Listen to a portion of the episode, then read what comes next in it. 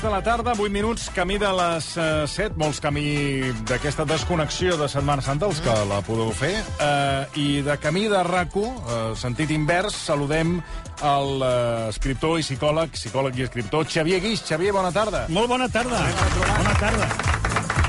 Molts eh, el podeu trobar també als podcasts de rac concretament el podcast que porta per nom eh, Tranquil·lament, on eh, manté converses amb el Marc Serra i parleu de, de sí, moltíssimes i que coses. sàpigues que en, en el darrer capítol Sí, hi surts tu. sí, sí, eh? sí, surto- surts tu jo, parlant surto. de la rutina i, Exacte. i està tenint un èxit extraordinari. Sí, és a dir que, sí. No, no, no, de debò, ho està patant. No, no, no, no és broma, no, ho està patant. És a dir, que es, es, eh, es nota quan apareixes, Toni... No, no, es nota, es nota que, que el món... eh, O sigui, viure la vida eh, com un hàmster i intentar sortir de la roda del hàmster, això genera, genera interès. Genera interès, exacte. Sí, home, que, com, com ho viu el Toni, tot això? I com Exacte. passa? Però la veritat és que jo em vaig quedar sorprès i tot de lo sincer que arribes a ser, Mhm. o sigui, amb la claretat amb la que parles, de, en fi, de la vida, de les teves coses, Mhm. i jo crec que això és impactant, i que la gent que ho escolta segur que d'una manera o altra l'inspires. Bueno, s'agraeix, s'agraeix. Sí, sí. No, home, escolta, que, que, hem, que hem, aquestes alçades del partit, que és d'amagar. Exacte, que hem d'amagar. Ja, ja queda, queda, per amagar, queda per, per amagar poca cosa. Doncs ho trobareu, a, com dèiem, el, el que és la web del bueno, el web de rac doncs allà al podcast, aneu El al podcast, podcast i ho trobareu. tranquil·lament. Tranquil·lament, amb el Marc Serra, que és, que és qui fa d'interlocutor i fa les preguntes. Ui, eh, se... Bueno, home, oh. mare de Déu, les preguntes... Eh, Per què diu les- Mare de Déu? Serra. Pues, No, el Marc Serra no és... Eh, no, diu Mare de Déu com si fos una pasta espessa i fa les preguntes que és un dels podcasts, perfectes. és un dels podcasts que funcionen en aquesta Clar. casa, eh? I ahí lo dejo. Bé, eh, avui mm, teníem una qüestió a desenvolupar amb el Xavier Guix, que no ara em diguis que és l'Anna Obregón. Bueno, a veure, no és exactament això, però Però és això. Però és aquest això. matí, quan, veure, aquest matí, quan m'he llevat, he pensat, home, eh, com ho podríem vehicular? I com que la Xènia Lobo està amb tot, ja t'ha fet la consulta i tu ens ho has Sí. vehiculat, perquè ens va... A veure, diguéssim Sí, que... no, pot encaixar, pot encaixar. Pot encaixar. Veure, Pot encaixar el que teníem una mica previst. Sí, sí, exacte. Bueno, ara anem a pams. Eh, és una qüestió... Avui volíem parlar de les, de les expectatives que tens a la vida, de, que hi ha molts Això- moments que tens expectatives. És una expectativa, això. I, exacte. I si et sembla, comencem, i ja tancaríem el capítol a Obregón amb aquesta expectativa. Eh, avui, recordem-ho, ho acabem d'explicar, que Anna Sandra és la seva neta, no la seva filla, com s'havia dit inicialment, i eh, Obregón assegura que aquest procés de gestació subrogada és el que li ha mm, permès seguir vivint cada dia, per complir, diu ella, una missió que eh, li va donar l'última voluntat al seu fill, eh, al seu fill eh, Àlex. Aleshores, la primera qüestió que trasllado és, creus que és una forma d'afrontar el dol, després abordarem la qüestió de les expectatives, per la mort d'un fill? Dir, realment és una bona manera d'afrontar el dol eh, tapant-ho d'aquesta manera? Home, fixa't que ja utilitzes la paraula tapar, no? Aleshores, no, no és un terme que... Tota suplantació del dolor no pot ser bo. El que passa que també sabem que l'experiència del dol és molt particular, és molt personal, és molt subjectiva, i que mm, ens fa... mm, és molt difícil que puguem parlar d'una manera generalitzada sobre com tractar i com viure el dol. Sí sabem que hi han dos patologies del dol, que són la dificultat en entrar dintre del cor, que vol dir no, no vull entrar en el dolor, i aleshores hi ha persones que no es permeten entrar en el dolor i ho tapen, tapen, tapen, tapen, i hi ha altres persones que, en canvi, es queden dintre del dolor i no en surten. No en surten. Es queden allà atrapades en el dolor i els hi passa el temps, i passen els anys i continuen atrapades en el dolor. Aquestes serien les dues patologies del dol. La resta, la gent fa el que pot, perquè és una experiència molt, molt impactant, molt dura. També t'haig de dir que mm, tenim una, una, un malentès, i això ho, ho aprofito ja que estoy en el programa i me das la paraula, Sí, sí. per, per dir que fem servir molt l'expressió contra natura. És que un fill no hauria de morir, és contra natura. Això ho, ho fem servir molt. Jo convidaria la gent que anés pels hospitals i que veiés, sobretot les plantes infantils, la quantitat de canalla que està mm, patint malament i que se'n van. I en són molts, contínuament. Per la vida no, no hi compten les nostres expectatives. Per tant, l'expectativa de que això és contra natura és una expectativa humana, perquè per la vida i per la natura et mores quan et mores. I quan tens la situació que tens i et passa el que et passa, probablement te n'aniràs. I això no té res a veure amb les edats. Ni és contra natura. Ara nosaltres ho vivim com a contra natura. Nosaltres ho creem, humanament parlant, com si fos una cosa que no hauria de passar. És que no hauria de passar, això. Aleshores, quantes coses a la vida no haurien de passar? Però passen. Per tant, una primera cosa que hem de tenir en compte és, per mi, aquest, perquè està sortint molt el tema de contra natura, contra natura, i ho diem, ho diem amb molta facilitat. I, I per mi, et dic, no és tan contranatural. És més, a la natura passava més, encara. Uh, exacte, perquè per la natura és natural que, que et moris, i que neixis, i que visquis, és a dir, és, és, tot, tot és natural. Per tant, en aquest sentit, sí que volia fer aquest petit apartat, dir-te que mm, la sensació que dona quan escoltes la, les manifestacions que ha fet aquesta senyora, jo no la conec i per tant no puc parlar d'algú que no conec, però si eh, ens acollim a les manifestacions, sembla que hi ha com aquesta sensació de suplementar, de suplantar, suplantar un dolor a través de quelcom que m'alleugereix i, per tant, busco com alguna cosa externa, fixa que aquí la clau és uh -huh. entendre que això s'ha convertit en un element extern, fins i tot algunes persones parlen de com si fos un objecte.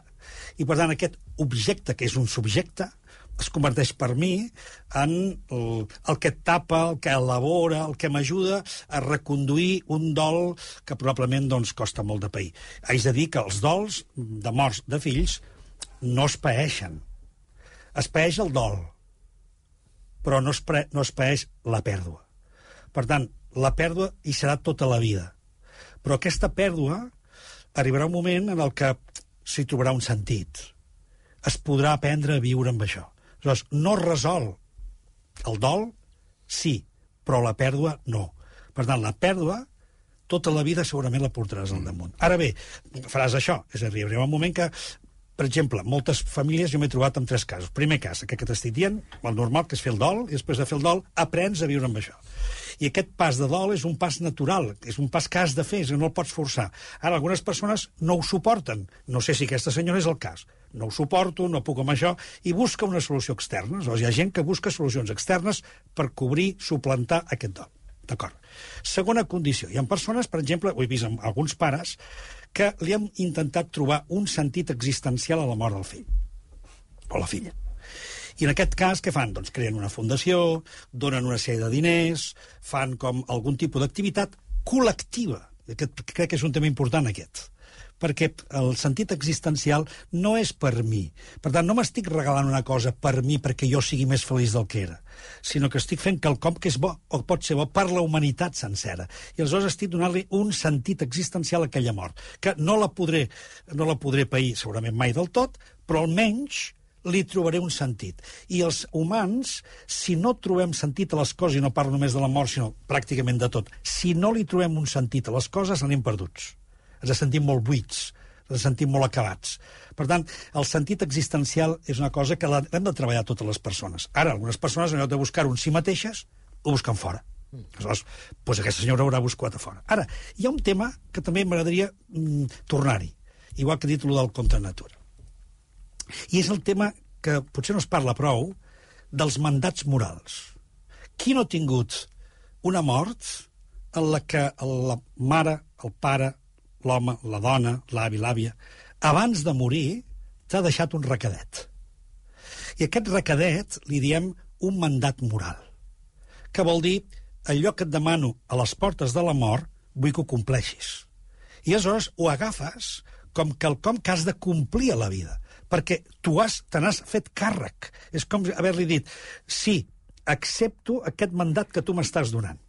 I aleshores em passo la resta de la meva vida intentant complir amb aquell mandat que de fet podries dir, mira, noi, no puc, no puc, no me'n surto, o mira... No, no pot ser. No, no podrà ser, no podrà ser. Doncs no, hi ha persones que ho viuen com si allò fos llei de vida com si estigués escrit en algun lloc que han de complir. I aleshores aquest mandat moral, sigui d'un fill que diu mira, jo me'n vaig però vull que hi hagi un... Vull, vull que el món es pobli de fills meus. Doncs comença a repartir perquè vull que el món estigui... Doncs pues potser hi ha algú que diu, vale, però me'n faig càrrec.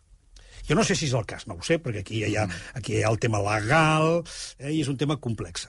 Però, en tot cas, sí tenim en compte el fet de que els mandats morals, uau, pesen molt a les persones, perquè ens situen en l'àmbit de la decisió sobre el bé i el mal, què està bé i què està malament. I aleshores aquí, per diludir, per, per aclarir el tema del què està bé i què està malament, apareix l'ètica. Per això tenim comitès d'ètica, per això tenim experts en ètica, per això tenim persones que pensen en aquestes problemàtiques sobre què és el bé i què és el millor en aquestes situacions. Per tant, aquest cas, el de l'Obregón, està obrint un debat social que per mi és molt interessant, més que no pas el seu cas particular.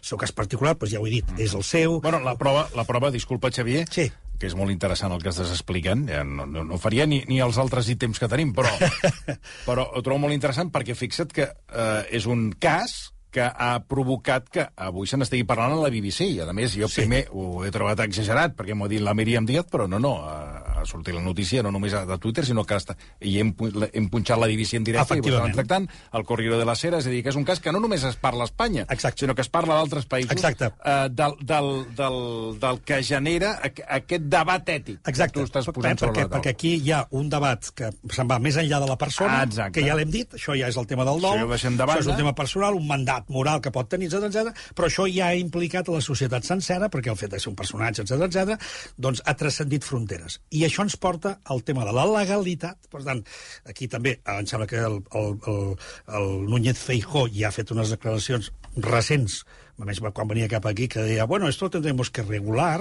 aunque es que, que no haya costes, y que, que sea gratis, eh, la subrogació, però que sea gratis, i que no hi hagi pagaments. Que això és el que fan a Portugal. Per tant, hi ha un tema legal que està sobre la taula i hi ha un tema ètic, que és i la criatura. Perquè, clar, aquí anem parlant molt del personatge, però no parlem de la criatura. I Perquè la... mai es parla de la criatura. Mai es parla, I, i al final la criatura aquesta doncs, està aquí, està a la vida, la vida ja també se n'encarregarà, ja veurem què, què serà nat contra natura o no, però a part que se n'encarregarà la vida, hi ha unes persones responsables que se n'han de fer càrrec. Per tant, s'ha d'assegurar, i aquí també apareix una mica la llei, de que aquesta criatura, que no és un objecte que ve a satisfer ni a suplantar, sinó que és un subjecte, per tant, és una criatura, és una personeta, que necessitarà també recolzament i necessitarà que, a mida que passin els anys, pugui tenir aquelles persones de referència que probablement no seran els seus pares, encara que ella sigui legalment la mare perquè ja serà grandeta i probablement no podrà fer la tasca pròpia de mare. Per tant, si té el pare mort i té la mare que no pot... Eh, aleshores, eh, ja, ja ens comença a crear conflictes. Conflictes sobre l'edat, conflictes sobre el tractament de la criatura, les possibilitats, etc etc etc. I aquí ja, doncs, ja entrarem en tema si els diners, si hi ha diners, si hi ha estructura, si no hi ha estructura, si...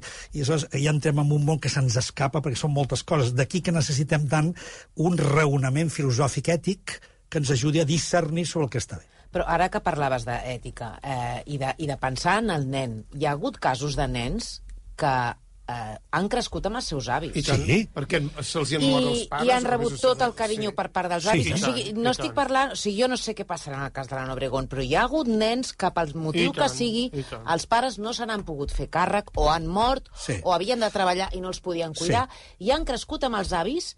Eh, ho dic perquè avui estava llegint, per exemple, en el, en el perfil de l'Anna Obregón, gent que li feia comentaris a Instagram dient a mi me educaron mis abuelos i no tengo ningún trauma. Clar, i jo fa, que faig anamnesis contínuament, per tant, quan em ve un pacient doncs, haig de fer un, una, una mica de situació de la seva vida, no saps la quantitat de gent que t'explica jo, el que em va educar i amb qui vaig créixer, si som els meus avis. Els meus pares treballaven, Exacte. no hi eren, estaven a la botiga, tot el dia treballaven, o estaven fora, etc etc. Per tant, és, és així. Ara, el, el tema no és aquesta criatura se'n podrà sortir? Tindrà una estructura... Home, sembla que aquesta mm. dona vingut tenen, tenen recursos, per tant, segur Sí, que sí, no, no, sortirà. i la família és una família de possible. Exacte, però segur que se'n sortirà o que podran com a estructura. Però el tema no és aquest. El tema és... Eh, no és què li passarà a la criatura, és ara aquesta decisió de saber que jo no podré... Quina, quina, amb quina actitud jo ja estic tenint una actitud ètica respecte a la criatura. Com l'estic tractant ja en el moment que sóc conscient de que jo no hi podré ser. Aleshores, és aquí on entra el debat. Però aquest debat, suposo que ella, no sé si l'ha fet, si se l'ha fet o no, però és, és, és, és, un, és un bon debat. Parlant de les expectatives, que és on, on, on vull ara recaure, clar, aquí hi ha eh, les expectatives que, eh, i ara, eh, seguint amb l'Obregón, obriríem el segon fil, que hi ha les expectatives que tenia el seu eh, Fill. fill Alejan- eh, Alessandro, que volia tenir cinc fills, i també hi ha unes expectatives que l'Anna Obregón que l'expectativa és de ser àvia, que és el que serà ara, serà àvia. Ah. Clar, eh, el fet de ser àvia també o sigui, es podria incloure amb que era una expectativa que ella se li ha troncat i que ara podrà fer realitat? Segurament també. És a dir, ho hauríem d'incloure en el paquet de les expectatives que ens construïm a la vida. I aquest és un tema molt interessant. Que és, on, això que és on avui volíem situar la història. que tu vas anar a veure l'obra de teatre, Jo vaig anar a veure una obra de teatre, que és la, la que protagonitza... tots eren els seus fills. Ah, exacte, exacte, que hi ha unes expectatives creades dels pares envers els fills. Exacte. I, eh, bueno, mm, tot, diguéssim, no vull fer un spoiler, però tot va, tot va, Tot va per aquí. Tot va pel pedregar. Doncs hi ha mira. unes expectatives creades envers to, eh, els pares sobre els fills, no?, de que els fills faran això. No, això em va fer pensar amb les, amb les expectatives que tenim quan som joves, perquè a l'obra hi ha un moment que el jove, els joves... Es vol menjar el món. Uh, exacte. I això em va fer pensar de com era jo quan era jove. I jo era... em volia menjar el món. Exacte. I ara què? Ara què? I, i... Ara què, què, ara què vols? No, un moment, un moment, no corris tant. No, i aleshores tu tens, et marques unes fites. Mira, a mi m'agradaria fer això, m'agradaria fer l'altre, m'agradaria fer l'altre. Sí. I van passant els anys, i tu dius, "Xt, encara tinc 20 anys, la, el que em queda. Sí. Ara en tinc 30, el que em queda. Ara en tinc 40, el que em queda. Ara ja en tinc 56. Sí. A 55, i aquest any en faré 56. Clar, ja no et queda massa. Ja no parles tant, ja el que eren les teves expectatives, algunes s'han complert, les altres no s'han complert. Exacte. I has de gestionar les que s'han complert i les que no s'han complert. I Exacte. ara, aquestes expectatives que no s'han complert, l'edat va passant. Exacte. I tu et vas acostant, ja no parles de la, la, els teus gran, no, projectes que sempre has somiat, sinó que ja comences a parlar o comences a tenir converses al teu voltant de quan et queda per jubilar-te. Hem passat, hem fet el, el clic, que és el que a mi m'ha encès la- l'alerta de dir, a veure, tinc grups d'amics amb els que parlen, un ja té ganes de plegar, l'altre està cremat, sí. l'altre ja compta, l'altre jubila, n'hi ha un que s'ha jubilat, i dius, hòstia, hem, pa he passat de vull ser enginyer, vull treballar en una multinacional, vull anar als Estats Units, vull ser químic, vull ser el que sigui, a ens hem quedat aquí i ja recollim corda. Fixa't que són dos actituds fonamentals i, i que indiquen dos tipus d'expectativa diferents. En el primer cas, des de l'etapa de jove fins ben bé mitja edat, 40-50 anys, i és tota l'etapa de l'aventura, és tota l'etapa de la recerca, és l'etapa del, del voler triomfar, del tenir èxit, de l'expandir-se, del assolir tots els propòsits que t'has fet. I efectivament arribes cap als 40-50... I, i poso, em poso d'exemple, com puc, eh, podríem posar mil exemples de Tothom. gent doncs, que vol, un que vol viatjar pel món i que Tothom. arriba segons quina edat i només ha pogut anar doncs, a Eivissa, vull dir, no sé, i un munt d'expectatives Ah, que la exacte. gent té, que van passant els anys, Exacte. i arriba un moment que fas, no sé si és per l'edat, hi ha un moment que fas balanç. A veure, Exacte. què volia fer o què volia ser i el que sóc. Sí. I fas una mica d'auditoria de la teva exacte. vida. I dius, i què em queda per fer el que jo tenia, havia generat amb, la, amb expectatives. Perdona que, que, que, No, no, no, t'entenc perfectament, Ho, ho, ho dic en general perquè Sí. són converses que darrerament tinc amb els Sí. meus cercles de- d'amics i Per amigues. cert, digue'ls amb el teu cercle d'amics i amigues que sobretot es preparin per la jubilació. Perquè avui un dels drames que vivim, els psicòlegs, a part del tema de les addiccions, a part del tema de, les, de la canalla, sobretot amb tot el tema de la pandèmia, és a dir, ha coses noves, no? Com tractar els avis, com gestionar el tema de, de, de les residències, el tema de l'ajut, etc etc. N'hi ha un altre, que és gestionar la jubilació. Perquè, clar, ens jubilem, que encara som molt joves, encara tenim moltes coses per Però la jubilació, Xavier, es veu eh, per, per la gent, o sigui, pel cercle en el que moc, que ja estan comptant quants anys Sí, i tot, sí. es veu com la gran alliberació. Sí, però aquesta alliberació t'has de preparar. Perquè què passa? Arribes al dia de la jubilació, no t'has preparat, i de cop i volta passes de 0, de, perdó, de 100 a 0. No t'espera ningú, no et truca ningú, no tens agenda, no, has- no hi ha res a fotre. I aleshores aquí és quan comences a tenir un, un, un mal i una ansietat i, i un neguit, i aleshores dius, ja què foto? Què vol dir? No m'he preparat. I clar, tu vols continuar fent el que feies i ja et creus, i llavors continues fent una mica la vida que feies. Aleshores, tu- em torno comprant tots els diaris, eh? una persona periodista mm -hmm. que faria comprar cada dia tots els diaris, llegiria tots els diaris, aniria fent comentaris per aquí i per allà, escoltant aquest i l'altre, fins que un dia es donaria compte que tot això no serveix per res. Perquè estic fent tot això. I llavors li ve la crisi. Què vol dir? No m'he preparat per la jubilació. Per tant, tenia expectatives, expectatives, però no m'he preparat realment per la vida. Aleshores, aquí és on la part que dèiem, primera part de la vida, és molt d'expansiva, la segona és conservadora. Conservadora vol dir que Déu hi ajut si cada dia puc aguantar-me una mica, puc fer les mateixes coses que m'agraden i amb això ja en tinc prou. Però això eh, és, és, és una actitud mm, no sé si trobo la paraula adequada, però és com derrotista, no? No, no, dir, no, Bueno, perquè, conformista. per, No, no. Conformista, ja estàs. No, realista. Va, vas, no, jo li pregunto al Xavier, no sé No, quina actitud Sí, és sí. aquesta de... O sigui, has de deixar de somiar? Has de deixar ja de plantejar-te No, aquests no, somnis que has no. tingut? Has d'aprendre a perquè viure- tens una edat i s'acosta la jubilació No. i te n'adones que potser hi ha hagut trens que han passat i han passat? No, has d'aprendre a viure en l'ara. Has d'aprendre a viure el que tens. Has d'aprendre a viure amb el que hi ha. I amb el que hi ha i amb el que tens, il·lusió. Tota la que vulguis. I coses possibles, possibilisme, però possibilisme immediat. Però si no et fa il·lusió... Si et fa il·lusió, aleshores t'has de plantejar. Tinc un problema? que res em fa il·lusió. Aleshores, aquí, cuidado, perquè aquí és on estan expectatives frustrades. Aquí és on apareix el hauria d'haver fet i no he fet. Llavors, aquí és on ve la depressió. Aquí és on ve la situació complexa, que és donar-me compte de que no he aconseguit tot el que volia o no he fet allò que volia, ara ja se'm fa tard i ja em veig que no me'n veig Però d'acord. és bo fer-se expectatives? No, eh, no. Ni, ni quan ets jove? I quan ets jove. Sí, però, Guix, això és molt dur que dius, eh? És que les expectatives... És... Perquè expectatives és somiar, eh? és, mira, doncs, Però- però somiar, doncs, va, eh? suposem, no sé, acabaré als Estats Units eh, Això és- treballant a la, clar. a la NBC. Però què fas cada dia per aconseguir això?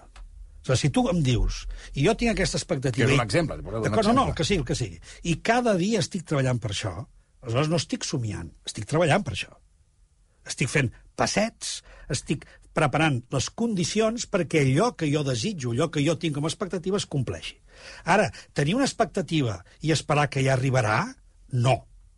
Aleshores, hi ha nanos que resulta que ho suspenen pràcticament tot al batxillerat, però diuen que volen ser metges. Mm. No, doncs jo, jo aspiro a ser metge. Dius, "Però s'ho ha suspès tot? Però, però, però, on som? Mm -hmm. Aleshores, aquí està on ens donem compte de Clar. què és expectativa i somni barato, i agafa qualsevol esportista d'èlit i et dirà, jo tenia aquest propòsit, però he pencat com un cabron. Per, per, per, permetem que digui aquesta expressió, que és la, la que se sol dir. Per tant, m'he pelat el cul. És a dir, m'he esforçat molt. He hagut de dedicar moltes hores. He hagut de deixar moltes coses per assolir el meu propòsit. Aleshores, això no és una expectativa. Això és una realitat que cada dia es constata. Això pot Però de passar, vegades- passa, això. Ai, perdó. No, pot passar que uh, tu hagis somiat moltes coses que, molt no, col, que no eh, has els aconseguit. Sí, sí. Sí, tu has És somiat moltes molt coses que no les has aconseguit i quan t'has fet gran dius, bueno, no ho he aconseguit, però tampoc n'hi havia, per tant. Que conec que persones que ho han aconseguit i tampoc és la panacea, saps? Mm. Això és, Home, seva, és que- la seva patxorra que té. No? Home, és que quan ho has aconseguit s'ha acabat, ja està. Mm, Fixa que els medallistes, quan els hi posen la medalla, el primer que diuen és no me lo puedo creer. No m'ho puc creure.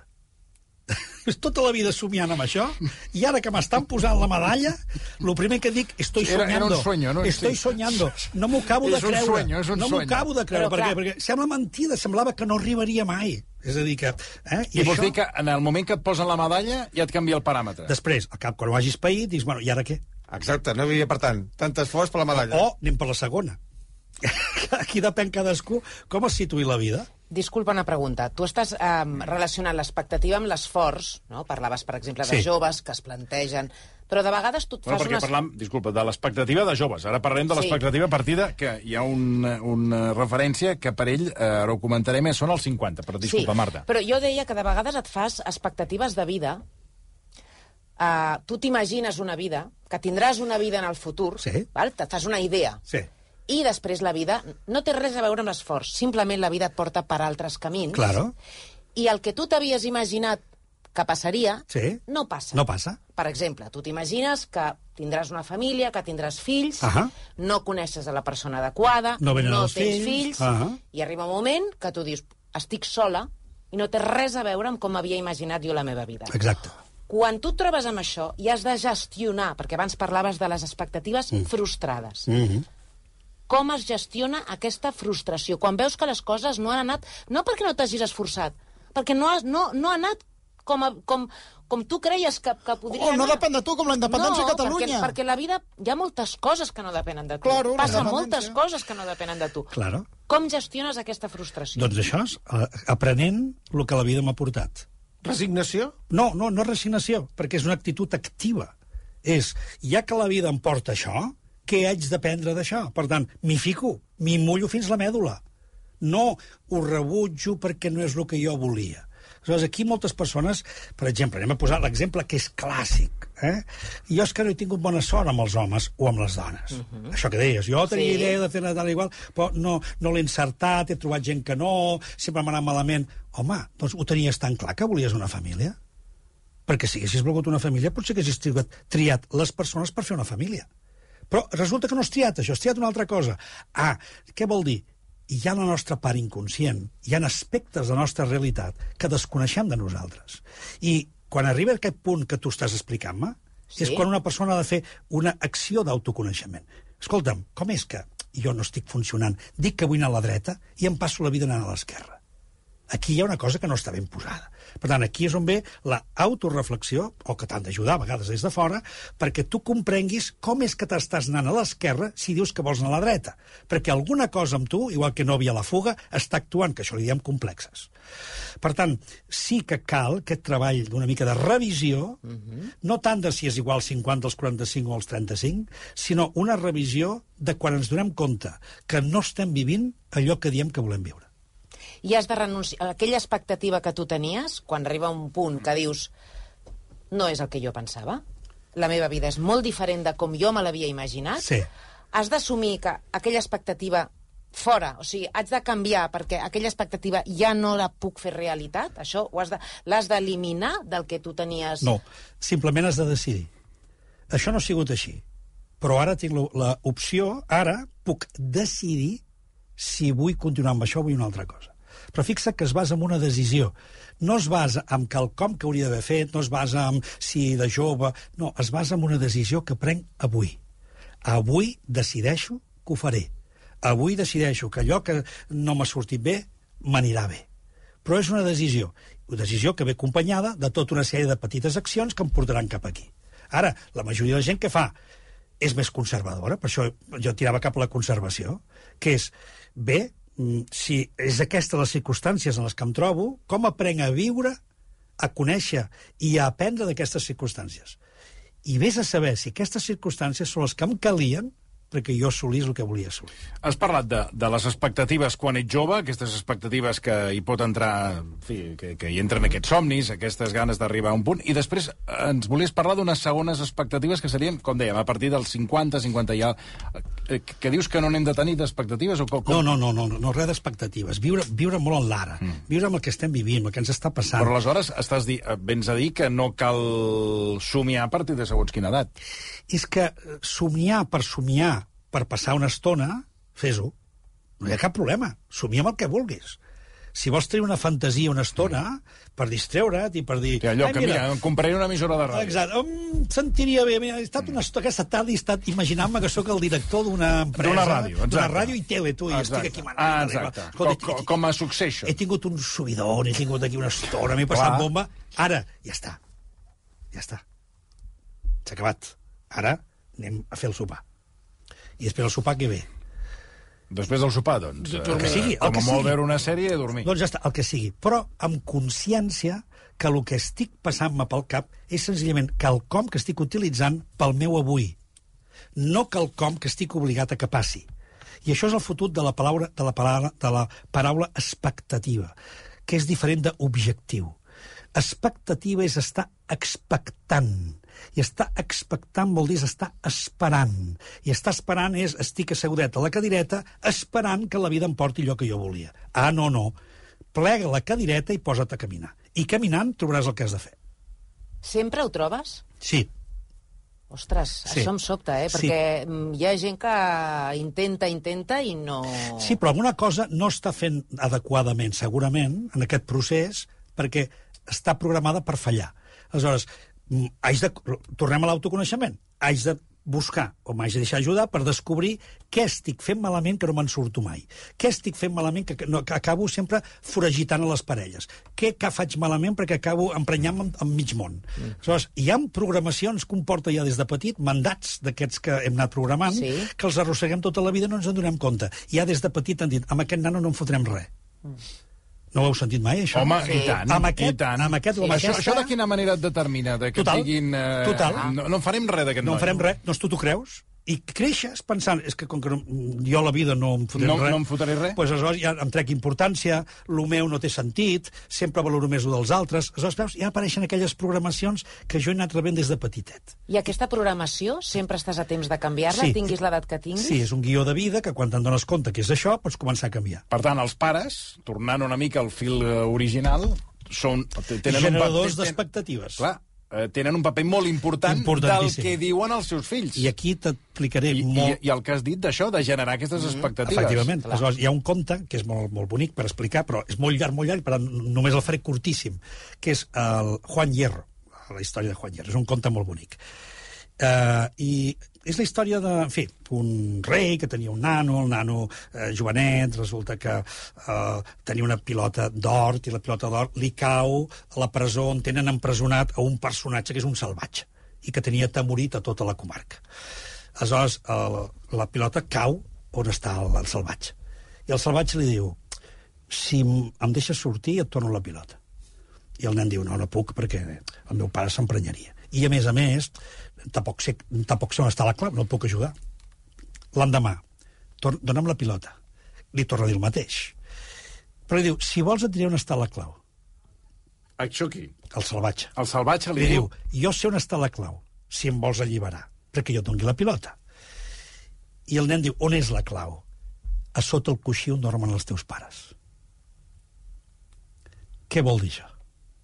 Que allà, des del lloc on hem estat concebuts, suposant que sigui el llit, però la metàfora és bona, allà on jo he estat concebut, s'ha estat imaginant com jo seria com serà el nostre fill, com serà de gran. Mira, dona patadeta, segur que serà jugador de futbol. Ja sé que faig de brometa, però, no, no, però hi ha gent que és- s'ho creu. No, però és que és agents. I aleshores li anem donant com expectatives al que voldríem que aquesta criatura fos. I a vegades ens perdem perquè no ens donem compte de com és en realitat. I volem que tingui unes habilitats i que tingui unes arts i que tingui unes condicions que potser la criatura no té. I aleshores s'enfoca aquesta criatura perquè tingui unes expectatives que se les fa seves, a les quals està fracassant contínuament, perquè, perquè no serveix per això. Recordo, hi ha un cas que Ken Robinson, això que és Ken, no recordo si és el, el doctor Robinson, que ha parlat i ha fet llibres molt interessants sobre el tema de la pedagogia, que explica un cas que va viure, no? que és una nena que la, la mare la va portar al psiquiatre perquè diu, és que aquesta nena no li fa il·lusió res, és que no sabem què fer amb ella, és que està sempre trista... I mentre anàvem parlant, el psiquiatre veia de transfons que la nena estava escoltant la música del fil que tenien allà a la, a la consulta mm. i, i estava ballant. Estava fent passos de dansa.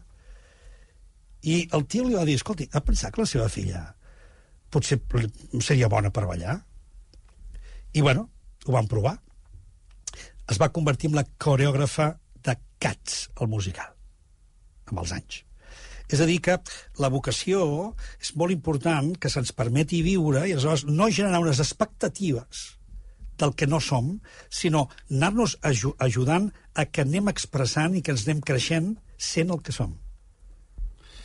Va, avui, escolta, eh, eh, podeu escoltar el Xavier Guix al tranquil·lament, però Molt també podeu escoltar el Xavier Guix aquí al versió RAC1. Xavier, moltíssimes, moltíssimes gràcies. Gràcies a vosaltres i bona Pasqua i bon Pessach. Sí, sí, la- l'expectativa més propera és la de trencar l'ou de Pasqua. Molt bé. De xocolata. gràcies, gràcies, Xavier. Eh, dos minuts i tornem fins ara mateix.